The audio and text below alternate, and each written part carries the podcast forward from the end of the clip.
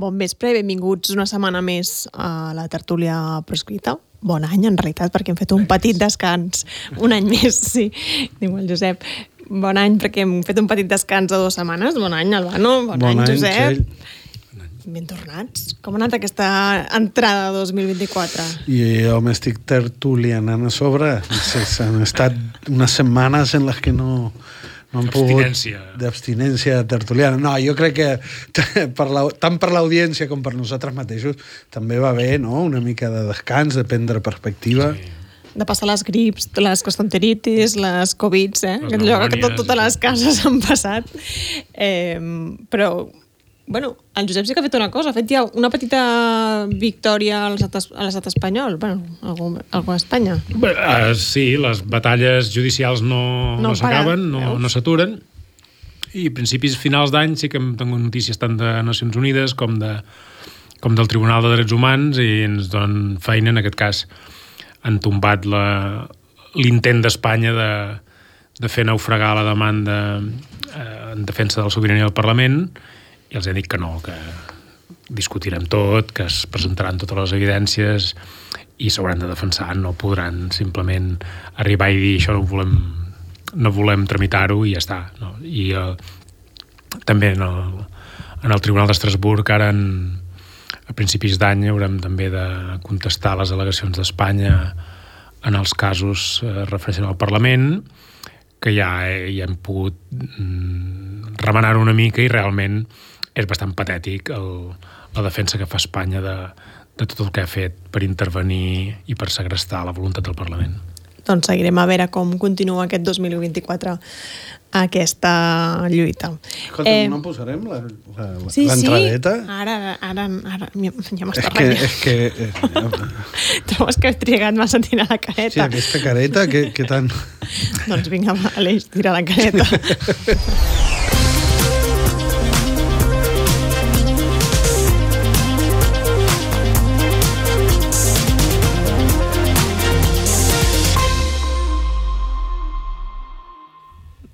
Anava a dir al Bano, que no m'has deixat dir-ho, dic, aquest any el que ha començat és una mica avorrit políticament, no diguéssim, malgrat que ahir va haver-hi com una mica de sorpresa, una mica de... Com a mínim a les redaccions, ahir a la tarda vam córrer, això sí que podem dir, perquè es donava per fet que Junts havia votat que no, i finalment com van sortir els números no, no quadraven i no arribaven tampoc les explicacions, per tant ens va tocar córrer tots per intentar entendre què estava passant. I ho heu entès, ja? Una mica ho intentarem explicar, si us sembla bé, a continuació. Jo crec que la gent que havia escoltat la tertúlia proscrita aquests últims mesos ja sabia el que estava passant, no? No us va sorprendre, eh? Vosaltres, vosaltres creieu que acabaria així? Mm. És a dir, que acabaria junts... Hi havia, hi havia una altra possibilitat, que era que hi hagués algú tipus Vox o tipus PP que s'equivocàs votant o que eh, s'abstingués o que acabàs ajudant a salvar el, els mobles al PSOE com van fer amb els fons europeus, com li agrada mm -hmm. recordar a Albano. És a dir, quan eh, aquí, això em fa gràcia aquests dies perquè a més els d'Esquerra els agrada recordar-ho, que ells ja, ja van a, a, a quart de, de negociació amb el PSOE, Sí, van dient que, que el Junts està a P1, no?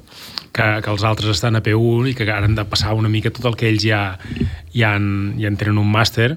I clar, una de les coses que va passar un parell de vegades és que quan Esquerra es va plantar i no va voler votar les coses que li posava el PSOE davant, ho van resoldre amb els fons europeus va ser Vox, amb la reforma laboral va ser un diputat del PP que es va equivocar entre cometes, i sempre trobaven la manera de que al final el, el plantar-se d'esquerra no serveix per res. I per tant, aquesta possibilitat també també hi era. Però, però certament el, per molt que els hi, per molt que els hi agradi negar-ho, eh, hi ha un pacte. I per tant, aquest pacte ningú hauria entès que el primer dia, que el primer revolt, aquest pacte ja no existís.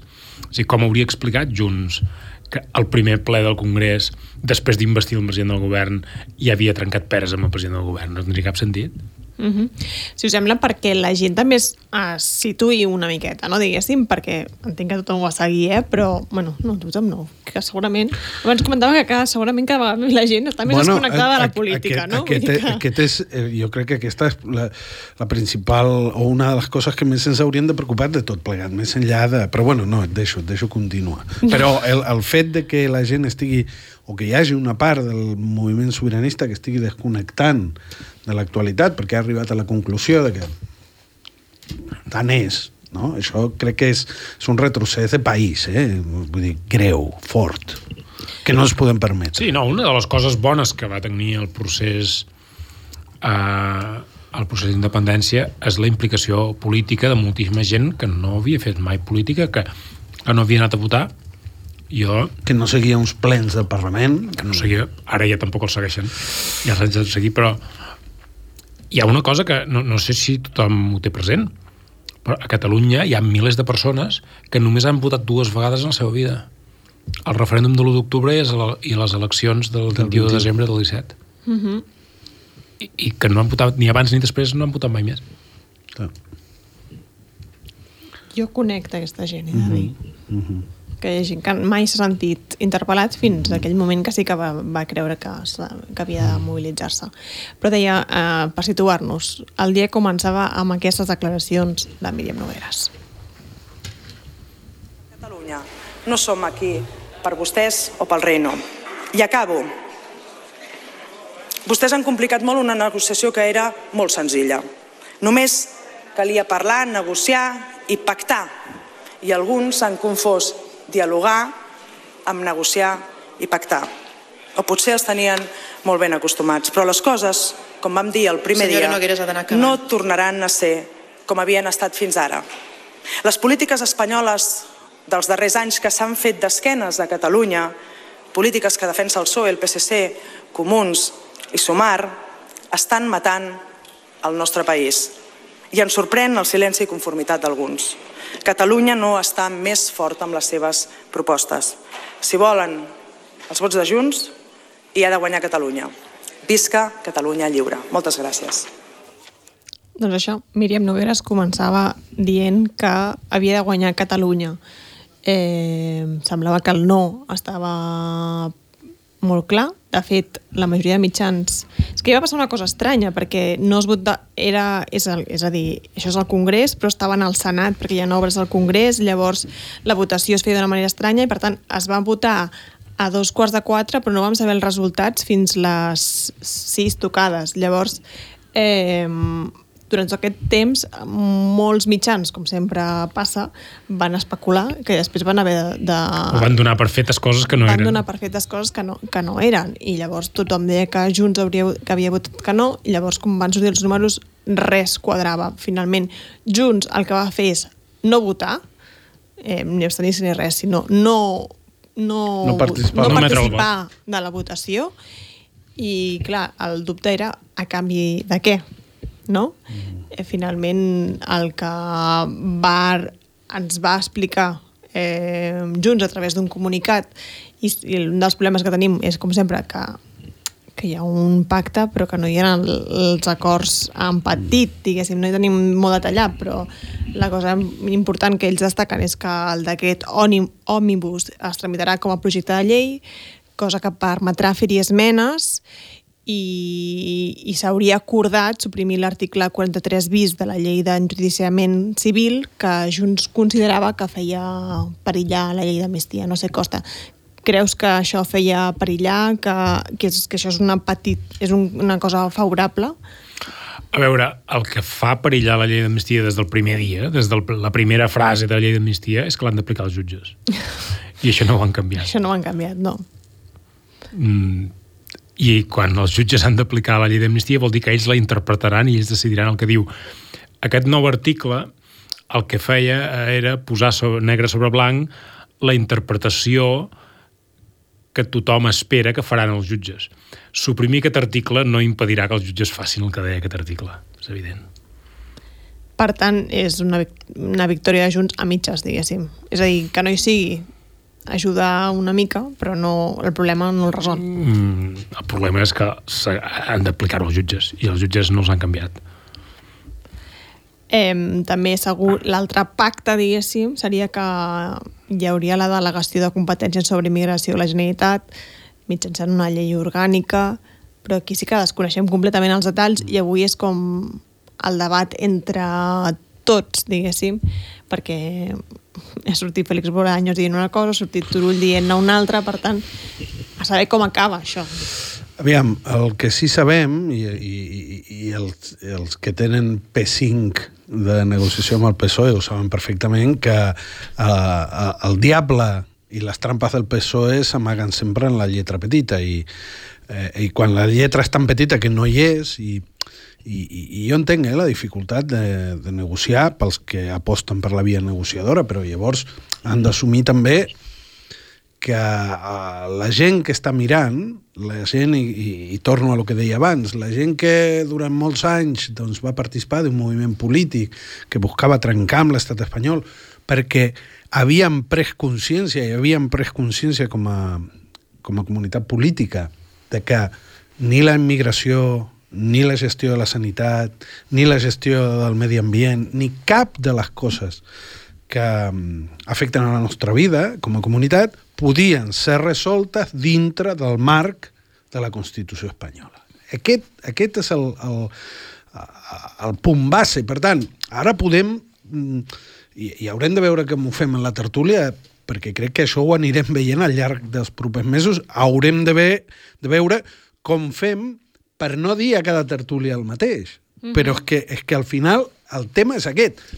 És a dir, a, si ara es tracta de posar-se a debatre a les lletres petites, d'unes lletres petites a més que no coneixem, eh, això és el que allunya la gent de la política. Escolta'm, estem debatint sobre el no res, estem debatint un altre cop sobre promeses que no sabem molt bé com es concerten, que al dia següent de les votacions ja surt eh, Bolaños o el PSOE o Pachi López o qui sigui a dir que no, que ben bé no era això el que s'havia pactat, a tothom li serveix, o sigui, el PSOE diu no hem fet cap concessió eh, eh, Junts diu que han aconseguit una gran concessió, Esquerra diu que no, que no han aconseguit cap concessió, igual que ells tampoc n'han aconseguit cap. Eh, això és antipolítica. Això és antipolítica, sobretot quan estem parlant de que els temes al voltant dels quals generen aquests no debats són temes que sí són, eh, eh, diguéssim, mereixedors d'un debat seriós. Uh -huh. És a dir, perfecte, els trens afecten a la vida de la gent, uh, les polítiques migratòries afecten a la vida de la gent, tant de la gent que està com de la gent que migra, uh, les inversions, la, les regulacions sanitàries, és a dir, tot això òbviament afecta i tot això mereix ser objecte de debat. El que ens trobem és que en, vull dir, a la pràctica no, no podem debatre res i, i tornem a l'inici de dir, ostres, justament la població cata de Catalunya havia arribat a la conclusió de que si havíem de poder debatre i si havíem de, de fer-nos responsables i prendre decisions sobre com volíem viure, eh, el que havíem de fer és justament al contrari del que s'està fent ara. És que, és que tot això eh, no és que allunya la gent, perquè la gent eh, no és convidada a participar en res d'això. És a dir, el moviment independentista es caracteritzava perquè la gent estava convidada a participar i a fer-ho amb les seves pròpies mans. I ara és exactament el contrari, és l'antipolítica de dir no, no, això es negocia als despatxos, es negocia en secret, Uh, um, ja us anirem surten, informant. Surten les votacions i ningú sap què ha passat perquè no ens ho han explicat amb anterioritat, etc etc. Ara diuen que han pactat una cosa però ningú sap que han pactat perquè no hi ha cap paper. Yeah. Uh, um, hi ha una cosa que a principi dèiem una mica no? que havíem començat l'any una mica com es havia acabat, no? que era tot plegat una mica la continuïtat del mateix, però jo crec que hi ha una hi ha una novetat en el discurs polític i en el, i en, i en el debat de, de l'autonomia, que és que la idea de cobrar per endavant ha desaparegut del discurs ja. Perquè, com sol passar, al final és el PSOE que cobra per endavant i per tant ara ja no cal que parlem d'això, no? No parlem de qui cobra per endavant perquè és el PSOE a P1 i a P4. a P5. Uh, jo, de totes maneres, ara que dius això de com havíem acabat la tertúlia última, recordo que aquell dia jo estava especialment optimista, recordeu? Que jo deia mm. algo com que era el curs en el qual eh, acabaríem... És, és a dir, que, que el 2024 seria el moment en el qual esclataria mm, aquesta... Mm, l'autonomisme, no? Que, que, que, que tota aquesta, diguéssim, davallada autonòmica pues, acabaria, ar- tocaria en fons, diguéssim, i me vau mirar tots dos amb cara de dir, ostres, massa, massa optimista estàs. I és veritat que... És que cony, avui hem assistit a la, a la resurrecció d'en Duran i Lleida. Sí, sí, però deixa'm dir una cosa, perquè ara, ara m'explicaràs això durant Lleida, però jo mantinc el meu optimisme i el mantinc en coses com, per exemple... I jo me n'alegro que et mantinguis, Alba, no? Perquè ho necessitem, en És part. que ara t'ho has dit. Eh, justament el, el, gran, el gran canvi de paradigma és que la gent que durant molts anys havia estat convidada i havia estat protagonista del que passava a Catalunya, ara se l'aparta amb unes votacions que ningú entén, amb uns pactes que, dels quals es desconeix la lletra i que això allunya la gent de la política. Però clar, el meu optimisme venia i es confirma, malgrat el que ha passat aquestes últimes hores als parlaments i als congressos, en què la realitat continua sobre la taula. I vull posar un exemple molt concret, que a més uh -huh. és el, el tema del proper vídeo d'octubre, que uh -huh. és el que està passant en l'àmbit sanitari. El que està passant en l'àmbit sanitari és que la realitat s'imposa i malgrat que el conseller de Salut, juntament amb els grans sindicats eh, estatals de salut, doncs diuen que tot s'està arreglant i que estan treballant per no sé qui, no sé quantos, comença a haver-hi un munt de gent, en aquest cas treballadors de la sanitat, que diuen eh, anem a pitjor. I no només ho diuen, sinó que es manifesten, que estan aconseguint per primera vegada en molt de temps grans manifestacions transversals que van més enllà de lo que diuen les cúpules dels sindicats. Jo crec que tot això que, per exemple, està passant en sanitat és una manera és un lloc on la gent encara reclama la seva capacitat de dir ja podeu dir missa, ja pot dir el conseller de Salut el que vulgui, ja pot dir la ministra espanyola el que vulgui, que els centres sanitaris catalans està passant el que està passant i això no ho pot eh, d'allò. Vull dir, També ja- passa amb l'educació, això, segurament. i també passa en- amb educació i passarà, perquè els moviments que està havent, i jo crec que aquest, aquest és el, a lo que ens hem d'agafar. Però, escolta'm, eh, què deies de Durant Lleida? No, és que ahir una de les coses que... mm, En aquesta tertúlia ja vàrem parlar del retorn al 2008 i el retorn Sí. al 2006, no? Retorna al peix al cova. Uh, I el... vaig fer llegir que una de les coses que s'havia pactat era la publicació de les balances fiscals. Correcte. Que ara sembla ser que no és la publicació de les balances fiscals, sinó que és l'accés a la informació per confegir les balances fiscals, que és una cosa diferent. Uh, No, eh, més o menys el mateix. Perquè jo he vist aquestes últimes hores que havia aquest rifirrafe de si... Bueno, la balança fiscal és que algú fa un càlcul Mm. i oficialment aquell càlcul es considera com a, a, a, la dada, diguéssim, objectiva. I si tu simplement el que fas és publicar les dades perquè la gent faci números, llavors ningú es posarà d'acord en quines són les dades reals. Uh, o no hi haurà una versió oficial de la balança fiscal. no hi haurà l'Estat reconeguent Exacte que... no hi haurà el ministre de torn o el govern de torn dient les balances fiscals oficialment són aquestes.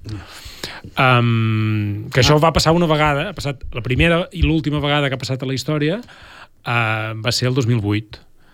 Uh, per això deia que, que, del tornar al 2008 i va ser un dels uh, diguéssim un dels peixos al cova de la investidura 2.0 d'en Zapatero, la segona investidura d'en Zapatero, que la va pactar amb en Duran i Lleida.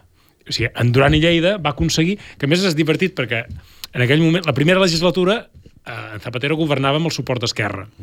I Esquerra reclamava les balances fiscals i no ho va aconseguir mai. I va arribar en, en Duran i Lleida i amb la segona investidura d'en Zapatero eh, va pactar ell, va aconseguir les, les balances fiscals aquestes, que és la primera i l'última vegada que s'han publicat oficialment, no? que hi ha hagut una, unes dades oficials reconegudes per al govern espanyol de quines són... En aquell cas sí que ho va publicar el mateix govern va espanyol. publicar-se una, una dada oficial de dèficit fiscal. Això. Escolta'm, perdó, si, si ara eh, estan a P1 i a P5 de negociació amb el PSOE, Duran i Lleida què era? Eh, la guarderia? O... Estava al màster, ja.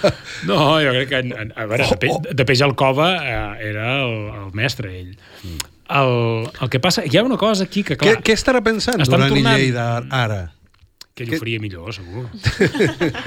el, el, en aquells anys, 2006-2008, que es va fer tot l'Estatut, bueno, es va fer i desfer, no? Mm. Es va construir i deconstruir l'Estatut.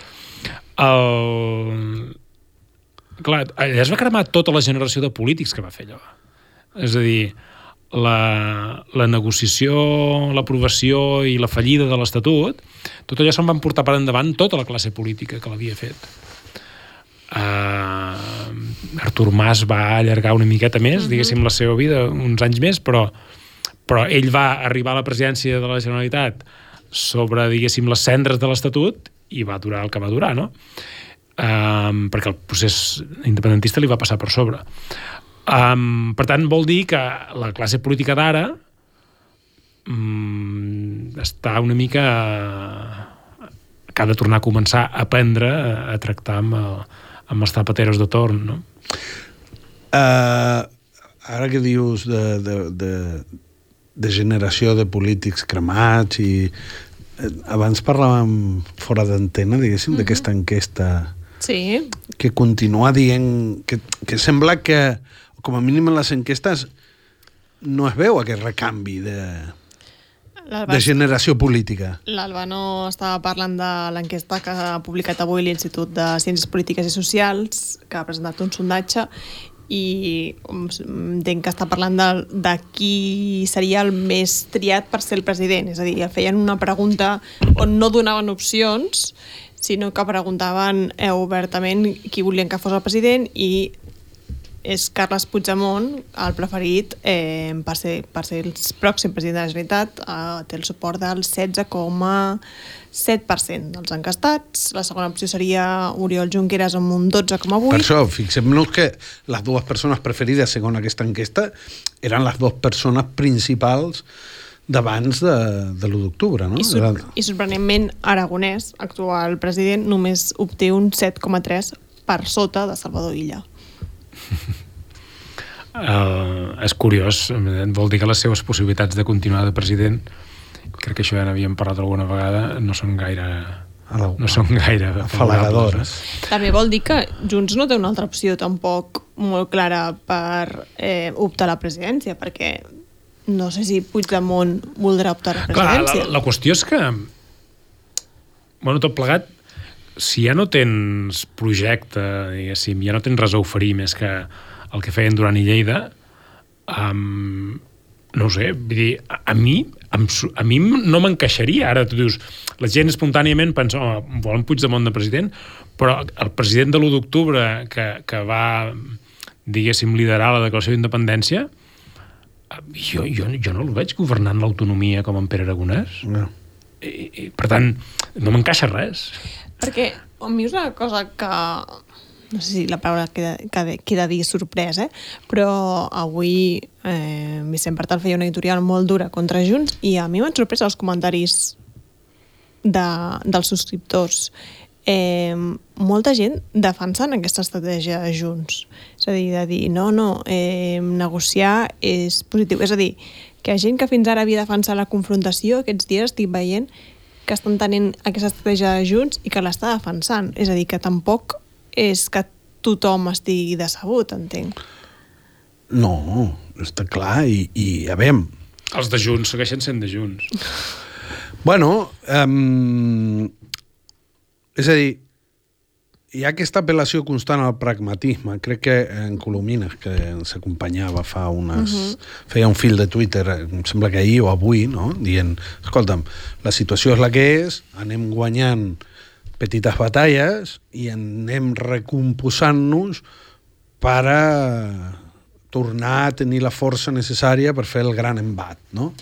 Jo em pregunto, aquesta gent que contesta aquesta enquesta i que diu que li agradaria que Puigdemont torni a ser president de la Generalitat, em fa l'efecte que si la gent diu això, deu ser perquè, perquè aspira o vol al Puigdemont que va desafiar l'Estat, no al Puigdemont que podria entrar a formar part d'aquesta política de peix al cova. Entenc que és això, que quan la gent diu...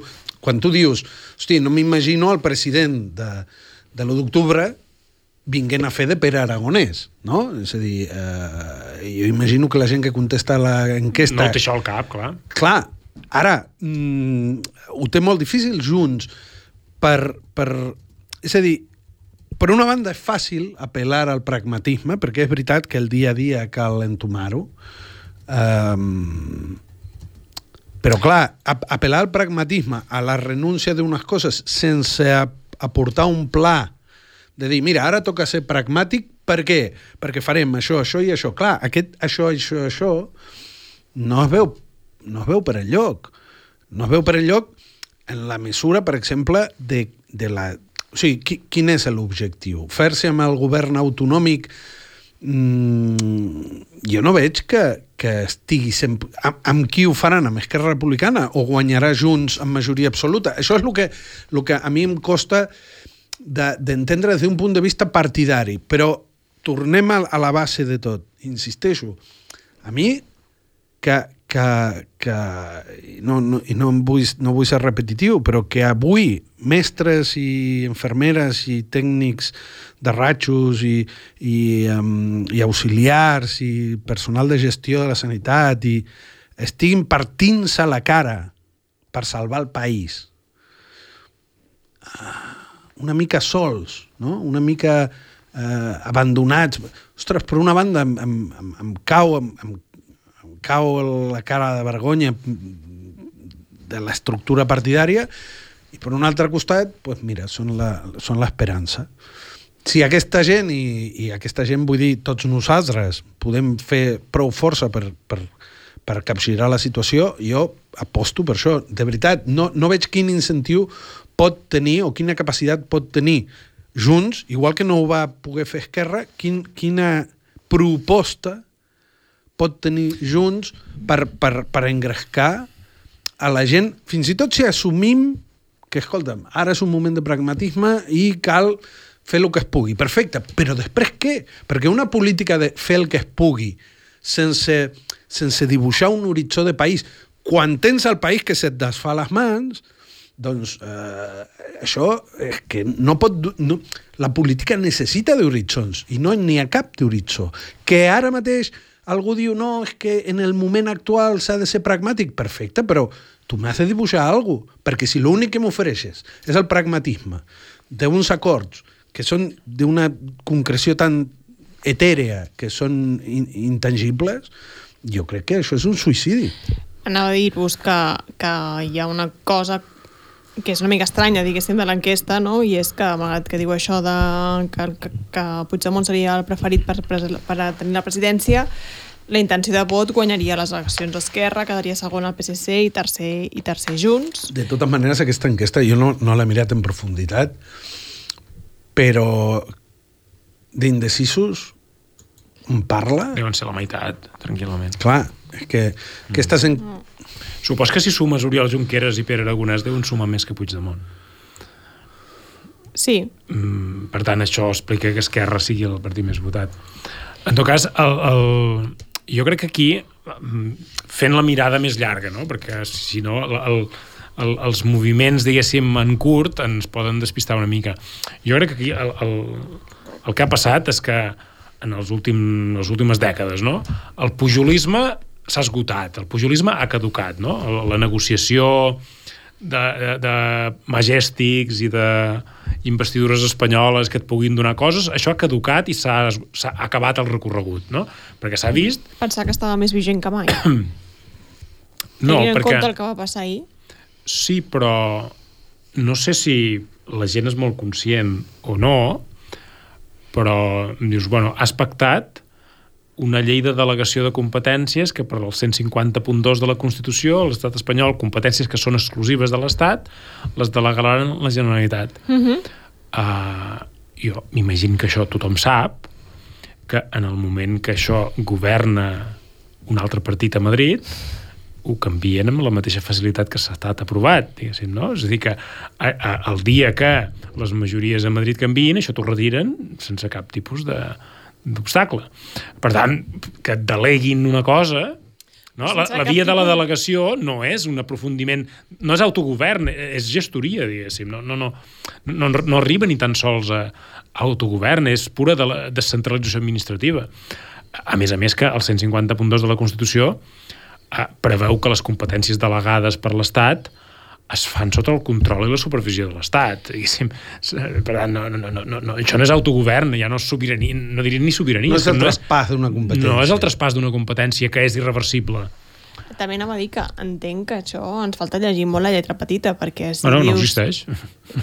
Clar, no existeix aquesta lletra petita. Bueno, la lletra petita a, a, a mi m'ha fet gràcia, diguéssim, perquè la lletra petita que tenim de tot això és una pàgina sencera de l'Estatut que regula les competències de la Generalitat en matèria d'immigració, que és un article d'aquests que el Tribunal Constitucional s'hi va pixar sobre perquè va dir aquest article no és inconstitucional si s'interpreta de la manera que nosaltres diem, que és que bàsicament no serveix per res.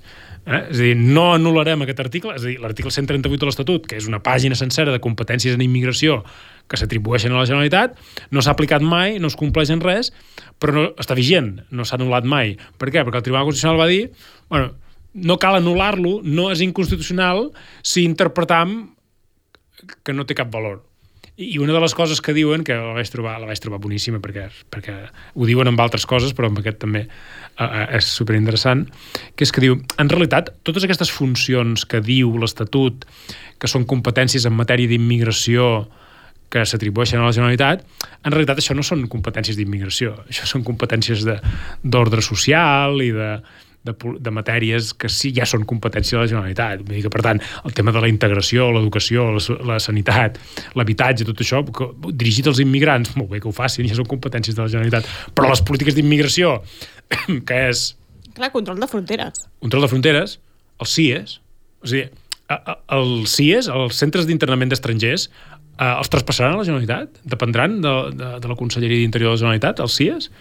Uh, uh, els NIES els emetrà la Generalitat? El, els, les targetes de Les residència? nacionalitzacions. Uh, uh, A l'aeroport hi haurà Mossos? Uh, exacte, el control d'immigració a l'aeroport, hi haurà Mossos, el, els expedients d'expulsió d'estrangers els tramitarà la Generalitat? Em sembla que no. És que ni tan sols ningú ha suggerit tot això. Però clar, la política d'immigració és això. Tot l'altre és una mica el que deia el Tribunal Constitucional. Home, donar ajuts als immigrants en temes d'habitatge, eh, promoure la integració escolar eh, dels nouvinguts, etc., tot això no és política d'immigració, això és política social. Però Turull sí que va, que va, que va aquí. És a dir, Turull sí que ha dit que, que Catalunya ha de poder decidir expulsar immigrants multi, multireincidents, per exemple. Llavors, i que tenim això- les competències com qualsevol estat amb immigració. Per tant, això sí que seria una cosa diferent de la... És a dir, clar, és que el problema és el tema de sempre, eh? que no sabem què... què... És que, és que no sabem sobre què Però estem això, no debatint. impact- això, això és un desideratum, això no és, ell no ha dit que això ho hagi impactat. Això, ell ha dit que això és el, és el que li agradaria pactar, eh, adhesió. És molt diferent. Això és el que jo m'agradaria pactar, és molt diferent de dir això és el que he pactat. La qüestió és que eh, un altre cop és per una oportunitat de, de parlar de política. Uh, per què? Perquè al final avui surt Turull dient escolta'm, que la, les, les expulsions de, mul, de multireincidents sense saber si, si, si, això qui, qui serà responsable d'això, qui tindrà... És a dir, s'obre un fals debat sobre coses sobre les que no tenim cap control, sobre les que sembla que no en tindrem cap. Ara bé, serviran perquè ens tirem els plats pel cap i em fa pensar, recordeu totes aquelles discussions de l'aeroport? Si ampliem l'aeroport, si no ampliem l'aeroport, hosti, els... Bueno, com el- els, els Jocs Olímpics. o els Jocs Olímpics. Bueno, però els Jocs Olímpics... Sí, però... Recordo, sí, també, però eh, el cas de l'aeroport era magnífic, perquè s'estàvem tot l'independentisme tirant-se els plats pel cap de si s'empleava l'aeroport o no s'empleava l'aeroport. Ve Pedro Sánchez, unilateralment li posa el nom a l'aeroport i unilateralment decidiran ells si s'amplia o no. Ara bé, els hi va perfecte que l'independentisme, en comptes de buscar la manera de veure com es fa prou sobirà per decidir unilateralment i sense que ningú li esmeni la plana. Què fa amb l'aeroport? Què fa amb els Jocs Olímpics? Què fa amb la immigració? Què fa amb la sanitat? En comptes d'això, ens barallem sobre una cosa que quan nosaltres ja estiguem farts de barallar-nos, L'Estat decidirà. l'Estat decidirà per nosaltres. I mentrestant, no haurem enfocat el, el, el, Anava a dir el tir, però no sé si el meu advocat me- m'ho recomana. Estàs mirant, estàs mirant a Josep Costa, eh? Sí, has vist? Ja, ja, ja començo a... Puc dir tir? Dir, hem d'enfocar el tir cap al punt on s'ha d'enfocar, que és el tema de dir, eh, decidirem nosaltres o no. I, i, i això, crec que vas, vas escriure un article sobre això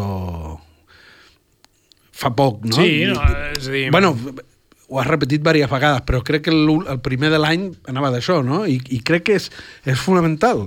bueno, la- la- l'absència de conflicte de Catalunya amb l'Estat el que fa és eh, multiplicar els conflictes interns petits a Catalunya. És a dir, mentre no tenim conflicte amb l'Estat, tenim tots els conflictes del món entre nosaltres que no es resolen, que no es poden resoldre perquè justament quan vàrem optar per fer la independència és perquè vàrem veure que tots aquests problemes, aeroports i, i polítiques socials i d'immigració, el que sigui, no podem resoldre res, sinó que ho resol l'Estat per nosaltres, i eh, bueno, ara hem tornat a, a, a fer allò que sabem que no serveix per res.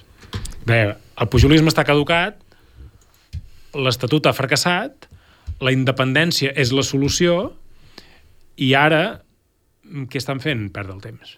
Clar, però anava a dir, m'ha sorprès a mi avui que ha sortit Laura, Vila, Laura Vilagrà, consellera de Presidència, dient que, que això que ha pactat Junts no és res i que no es traspassaran. És a dir, m'ha sorprès que si tenen una encara que fos una mínima oportunitat de tenir aquest traspàs, Esquerra, que és qui està governant, l'hauria de defensar. És a dir, hauria de dir... Jo entenc que digui que... És a dir, aquesta baralla constant de Junts i Esquerra fa que ni, Ju ni Esquerra celebri un possible traspàs d'una competència? Jo crec que Esquerra sap perfectament que el traspàs d'immigració serà tan integral com el de Rodalies. Ja, I ho saben per experiència, diguéssim. ja ah, ho entenc, però no hauria de lluitar, com a mínim, de dir... No, perquè tot això és... volem Això... Vale, hem patat el traspàs, volem veure la lletra petita i volem que hi inclogui això, això i això i això. Si no, no té sentit. Però és Eh, que no fan ni això, no, és que- no, no defensen ni tenir el traspàs És que això és una baralla de galls del correlat autonòmic. I, i, i bàsicament funciona a, a, a, a, sobre la premissa de que la meitat de la població no hi participa. És a dir, aquí hi ha, hi ha un altre mite que potser també estaria bé eh, foragitar-lo del nostre imaginari, que és que eh, la gran abstenció que hi ha hagut en els últims anys eh, a les eleccions eh, és una cosa eh, temuda i eh, diguéssim que d'alguna manera remou les, els fonaments dels partits polítics autonòmics i això no és ben bé així No. és a dir, l'autonomia l'aut- el pujolisme i l'autonomisme durant 40 anys s'ha sostingut en base a participacions electorals del 50%. Era l'independentisme que arribava al 80% de participació a les eleccions. Però per fer autonomisme no et cal el 80%. De... I per tant, eh, tenir els nivells de participació en el 50% i per tant que hi hagi 700.000 independentistes que només han votat durant el procés d'independència i no han votat ni abans ni després, uh, deixar-los fora del- del- del- d'aquest circ autonòmic és perfectament funcional, és Ja. perfectament pràctic pels, pels partits autonomistes. Mm. Perquè ara estàvem mirant la... Sí, no sé si es pot posar un altre cop el dibuix de l'enquesta. Um, ostres, que ràpid, tu. La l'eix és... va molt ràpid. El d'Esquerra, quin, quin, quin, Eh, No, no. quin de tots volies? No, eh, això gris, aquest 35%, Això no- entenc que és la, és la gent que no sap, no sabe, no contesta, no? Bueno, és la gent que segur que no votarà, perquè el 35% en unes eleccions al Parlament de Catalunya segur que no votarà. Uh, i, i més, serà més del, l'abstenció serà més del 35%. I seria un error pensar que aquest 35% votarà alguna altra cosa. No? Aquest, aquesta és l'abstenció. Sí, Això els és percentatges que no surten són de Vox i de Ciutadans, eh, que ara de memòria no me'l sé, però bueno, Ciutadans quedava No queda, fora no- no entra del, al del, sí, del Parlament i Vox entrar-hi. Aquesta és l'altra mita. Jo, Ciutadans, eh, el fet de que desapareguin de l'escena política és un altre símptoma del retorn al 2006, que és quan varen aparèixer. No? És a dir, hem tornat abans de l'Estatut, que és quan va, tot el procés aquest va portar Ciutadans, i el, i el moviment independentista per, per oposició, és a dir, perquè hi ha conflicte, i quan hi ha conflicte amb l'Estat i quan hi ha una mobilització potent independentista, és lògic i normal i previsible que hi haurà una manifestació, una mobilització en contra. Per tant, el vot unionista espanyolista es mobilitza amb ciutadans en contra de la independència. Que, que l'espanyolisme es desmobilitzi vol dir que ja l'independentisme no fa cap por que és una d'aquestes coses que segurament es dedueixen d'aquesta enquesta, també una altra de les dades que sortien en aquesta enquesta, que és que per molt que la gent segueix eh, somiant i desitjant la independència, eh, han aconseguit, diguéssim, totes aquestes polítiques i tots aquests girs estratègics dels principals partits que ningú se la cregui ja.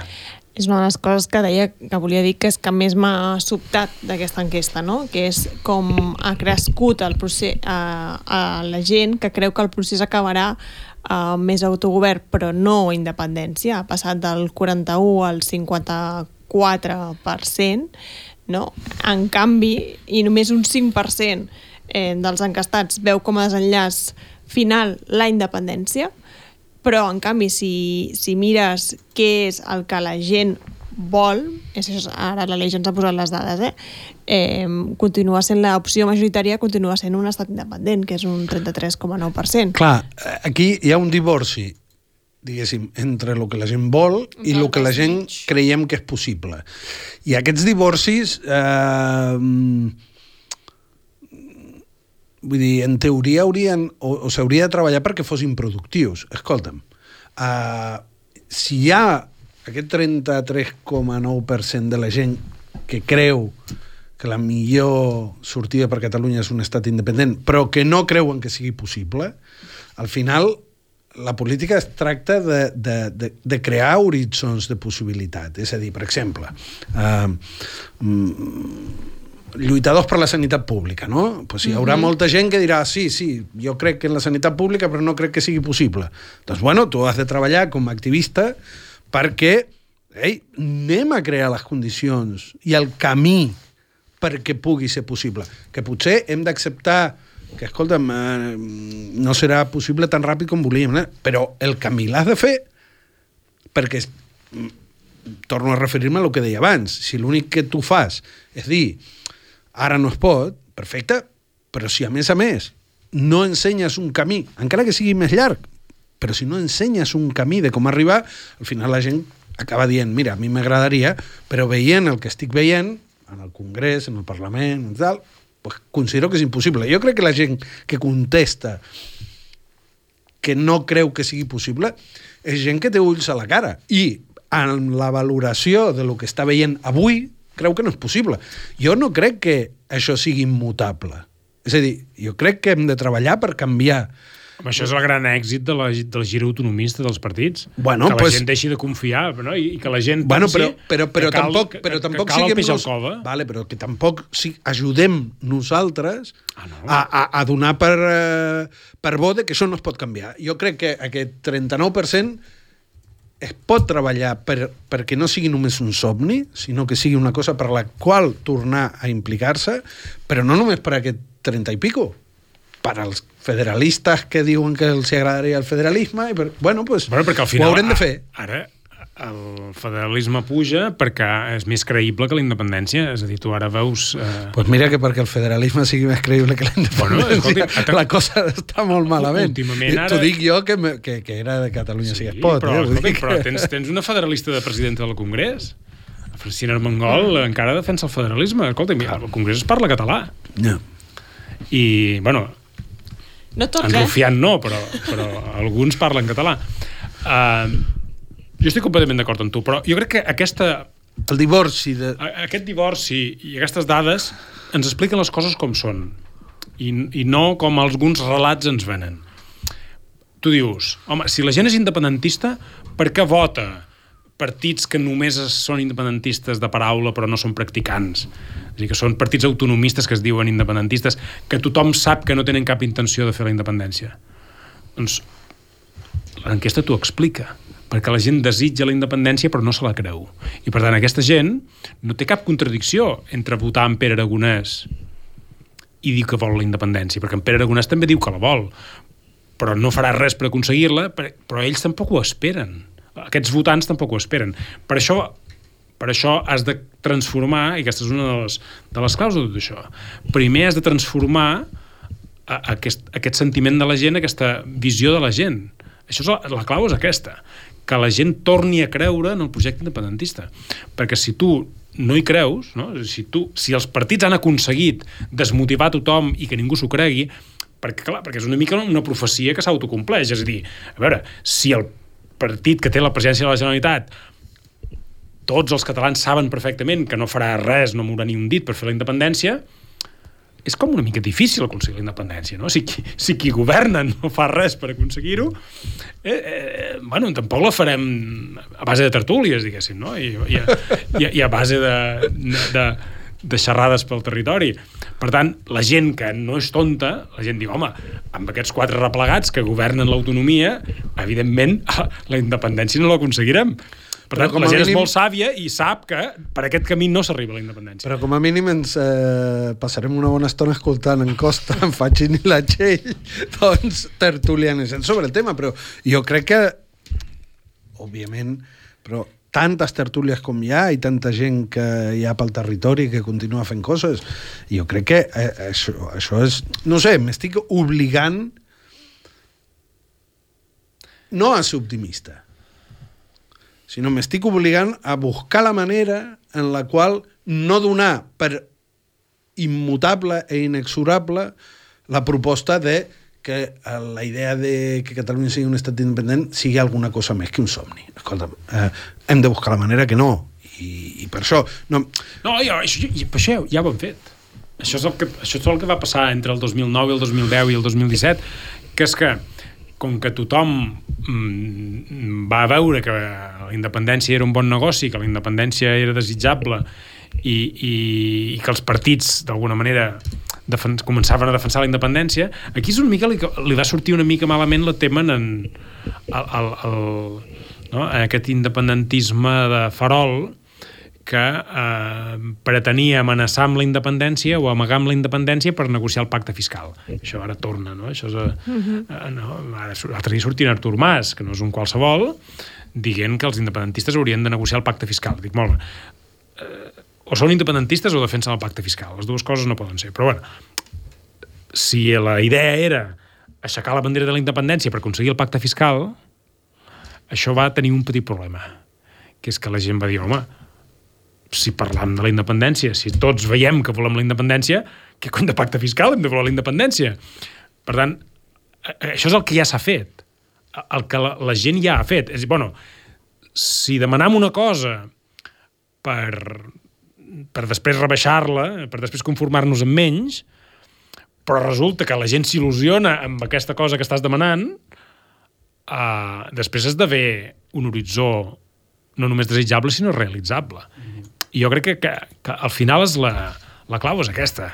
La clau és que com que no hi ha altra alternativa, el pujolisme el peix al cop és mort, l'Estatut està enterrat, uh, la classe política de l'1 d'octubre a mi que em perdonin, tenc amics i tenc gent que, que, que me l'apreci, uh, tota la gent que va protagonitzar l'1 d'octubre li passarà el mateix que tota la gent que va protagonitzar la reforma de l'Estatut fallida que és que són tots cadàvers polítics i encara no ho saben. Però amb aquesta classe política, evidentment, no farem res. Aquesta classe política, qualsevol nou cicle eh, per fer un salt endavant en el país, passa per, per fer el mateix que vàrem fer amb la classe política de l'Estatut, mm. que és enviar-los tots a casa. I en relació a això, tinc una pregunta, i segurament no ho podrem escatir en aquesta tertúlia, però potser... En queden més, n'hi haurà la setmana que ve. N'hi haurà la setmana que ve. No sé, la poso... Clar, nosaltres diem, escolta, uh, després de lo de l'Estatut, va haver-hi una renovació, va haver-hi una empenta, va haver-hi un gir de les coses, va venir Arenys damunt, tal, i va, vam arribar a l'1 d'octubre, no? I ara, pues, sembla que estem en un impàs, però a diferència de llavors, sembla com que ara el moviment independentista o el sobiranisme té com una ansietat molt profunda de dir és que ara ja no podrem tornar a reconstruir-ho. Com, no? També s'ha anat repetint aquesta cosa de, de que a diferència del 2010 eh, la, És a dir, que, que el temps juga mm, a la contra molt contra la possibilitat de reconstruir aquesta gran majoria social. És una angoixa que està present en la qual se barreja pues, el retrocés de la llengua, la, la, la migració, és a dir, tota una sèrie de coses que fan que fins i tot els que continuen convençuts de que cal donar de lluita tinguin aquesta ansietat de dir, ostres, que, que, que serem una minoria, que no podrem tornar a assolir aquestes majories. Jo crec que... A veure, clar, tot això, tu pots tenir aquesta sensació i desconèixer la història. És a dir, uh, l'11 de setembre, que és la Diada Nacional de Catalunya, i ha estat, el, la, la, la data simbòlica de, de totes les grans mobilitzacions, uh, va estar 170 anys sense celebrar-se, abans de començar-se a celebrar. És a dir, la, la gran data fundacional del moviment nacionalista català i de l'independentisme, no? que és la diada de l'11 de setembre, es va començar a celebrar a la dècada del 1880, és a dir, 170 anys després de l'11 de setembre de 1914. Uh, què vull dir amb tot això? Bueno, que, que si tens una mirada llarga, uh, te n'adones que uh, aquestes angoixes del moment són absolutament intrascendents, que la història uh, té una, una, té uns moviments de fons, té una solidesa de fons que és gairebé immutable i aquí el, el, que, el que passarà, diguéssim, no? el, el, el factor inamovible és que Espanya no canviarà. I mentre Espanya no canvi, eh, la independència de Catalunya no és que sigui un horitzó, és que és l'únic horitzó. I fins i tot, encara que la generació actual de polítics hagi deixat de creure i, ara estigui especulant amb, amb aquesta baralla de galls del correlat autonòmic um, la nova classe política que emergirà i els enviarà tots a casa uh, haurà de donar una solució, haurà de donar un horitzó al país que hi ha. I el país que hi ha és un país que dins Espanya no té futur uh, i no té plenitud i per tant mm, és, una, és, és com el, és com si vols materialisme històric, això. És a dir, eh, eh, eh, és inevitable que el, el moviment independentisme independentista torni a agafar la iniciativa i torni a, a, a ser un, a ser un moviment guanyador. És que ho deia perquè aquesta angoixa també forma part d'aquest d'aquesta profecia autocomplerta que al final ens porta a la, a la, a la inacció, no? Ostres, és que clar, com pot ser que en molts pocs anys haguéssim passat d'estar a punt de derrotar l'Estat, ara sembla que som els últims... Vull dir que també hi ha un discurs... Bueno, ara hi ha gent un, que té... Un, un sí, discurs de, de por i, de, i, de, i això, aquesta angoixa tan marcada que al final aconsegueix eh, que això que tanta por li fa s'acostumi, és a dir, que ens percebem com a grup humà com una, una panda de losers arraconats... Això és, com, això és eh, una mica la, la, la, la, la psicologia del Barça, una mica també, no? Ja, ja, ja, ja ho coneixem, no? És dir, quan el Barça no va bé, eh, tothom està deprimit fins que es fot fora l'entrenador, diguéssim, almenys, no? I, i després, quan arriba un entrenador nou, la gent s'il·lusiona una mica fins que, fins que perd uns quants partits i després ja, bueno... Però el... el... Això ho dius eh, perquè aquí també es fa una tertúlia no, esportiva, no? No, no, per això, sinó perquè, perquè realment aquest, una mica el, el pèndol, és la llei del pèndol, no? Eh. A vegades passes de l'eufòria a la depressió massa ràpid i massa extremadament, no? Eh. Jo crec que el, el, jo, jo els, els fonaments del país a mi no em preocupen. Mm. També, anava a dir que segurament també és una cosa més global, no és una cosa només de, de Catalunya, no? diguéssim, aquest sentiment de derrota, vull dir que crec que és una cosa que tota Europa també ho està visquent una, una mica, vull dir que en realitat crec que tot ho hem de posar obrir les mires i posar-ho tot en una balança, és a dir que segurament la pandèmia eh, tot plegat també fa que estiguem com estem. Però... És que mm, duim uns anys rebent moltes hòsties per la malament. Però bueno... Per a nivell això... mundial, diguéssim, a nivell, a nivell global i, i el, les incerteses... A veure, quantes vegades no hem sentit que les generacions joves seran les primeres que viuran pitjor que els seus pares uh -huh. eh, de la història, no? És a dir, clar, aquest horitzó de dir el, els nostres pares van poder tenir una família, van poder tenir una feina estable, van poder tenir una casa mm, decent, van poder tenir cotxes, Enviar eh, viatges, enviar els seus fills a la universitat, i ara eh, eh, ningú pot eh, ningú de 25 anys o de 30 anys pot aspirar a tenir una família com la dels seus pares, a tenir un projecte de vida estable i, i, i diguéssim, expansiu com els dels seus pares. Per tant, això psicològicament i moralment eh, eh, afecta, no només a Catalunya, afecta a tothom. Doncs parlarem d'això i molt més a la pròxima tertúlia. Fins la pròxima. Apa.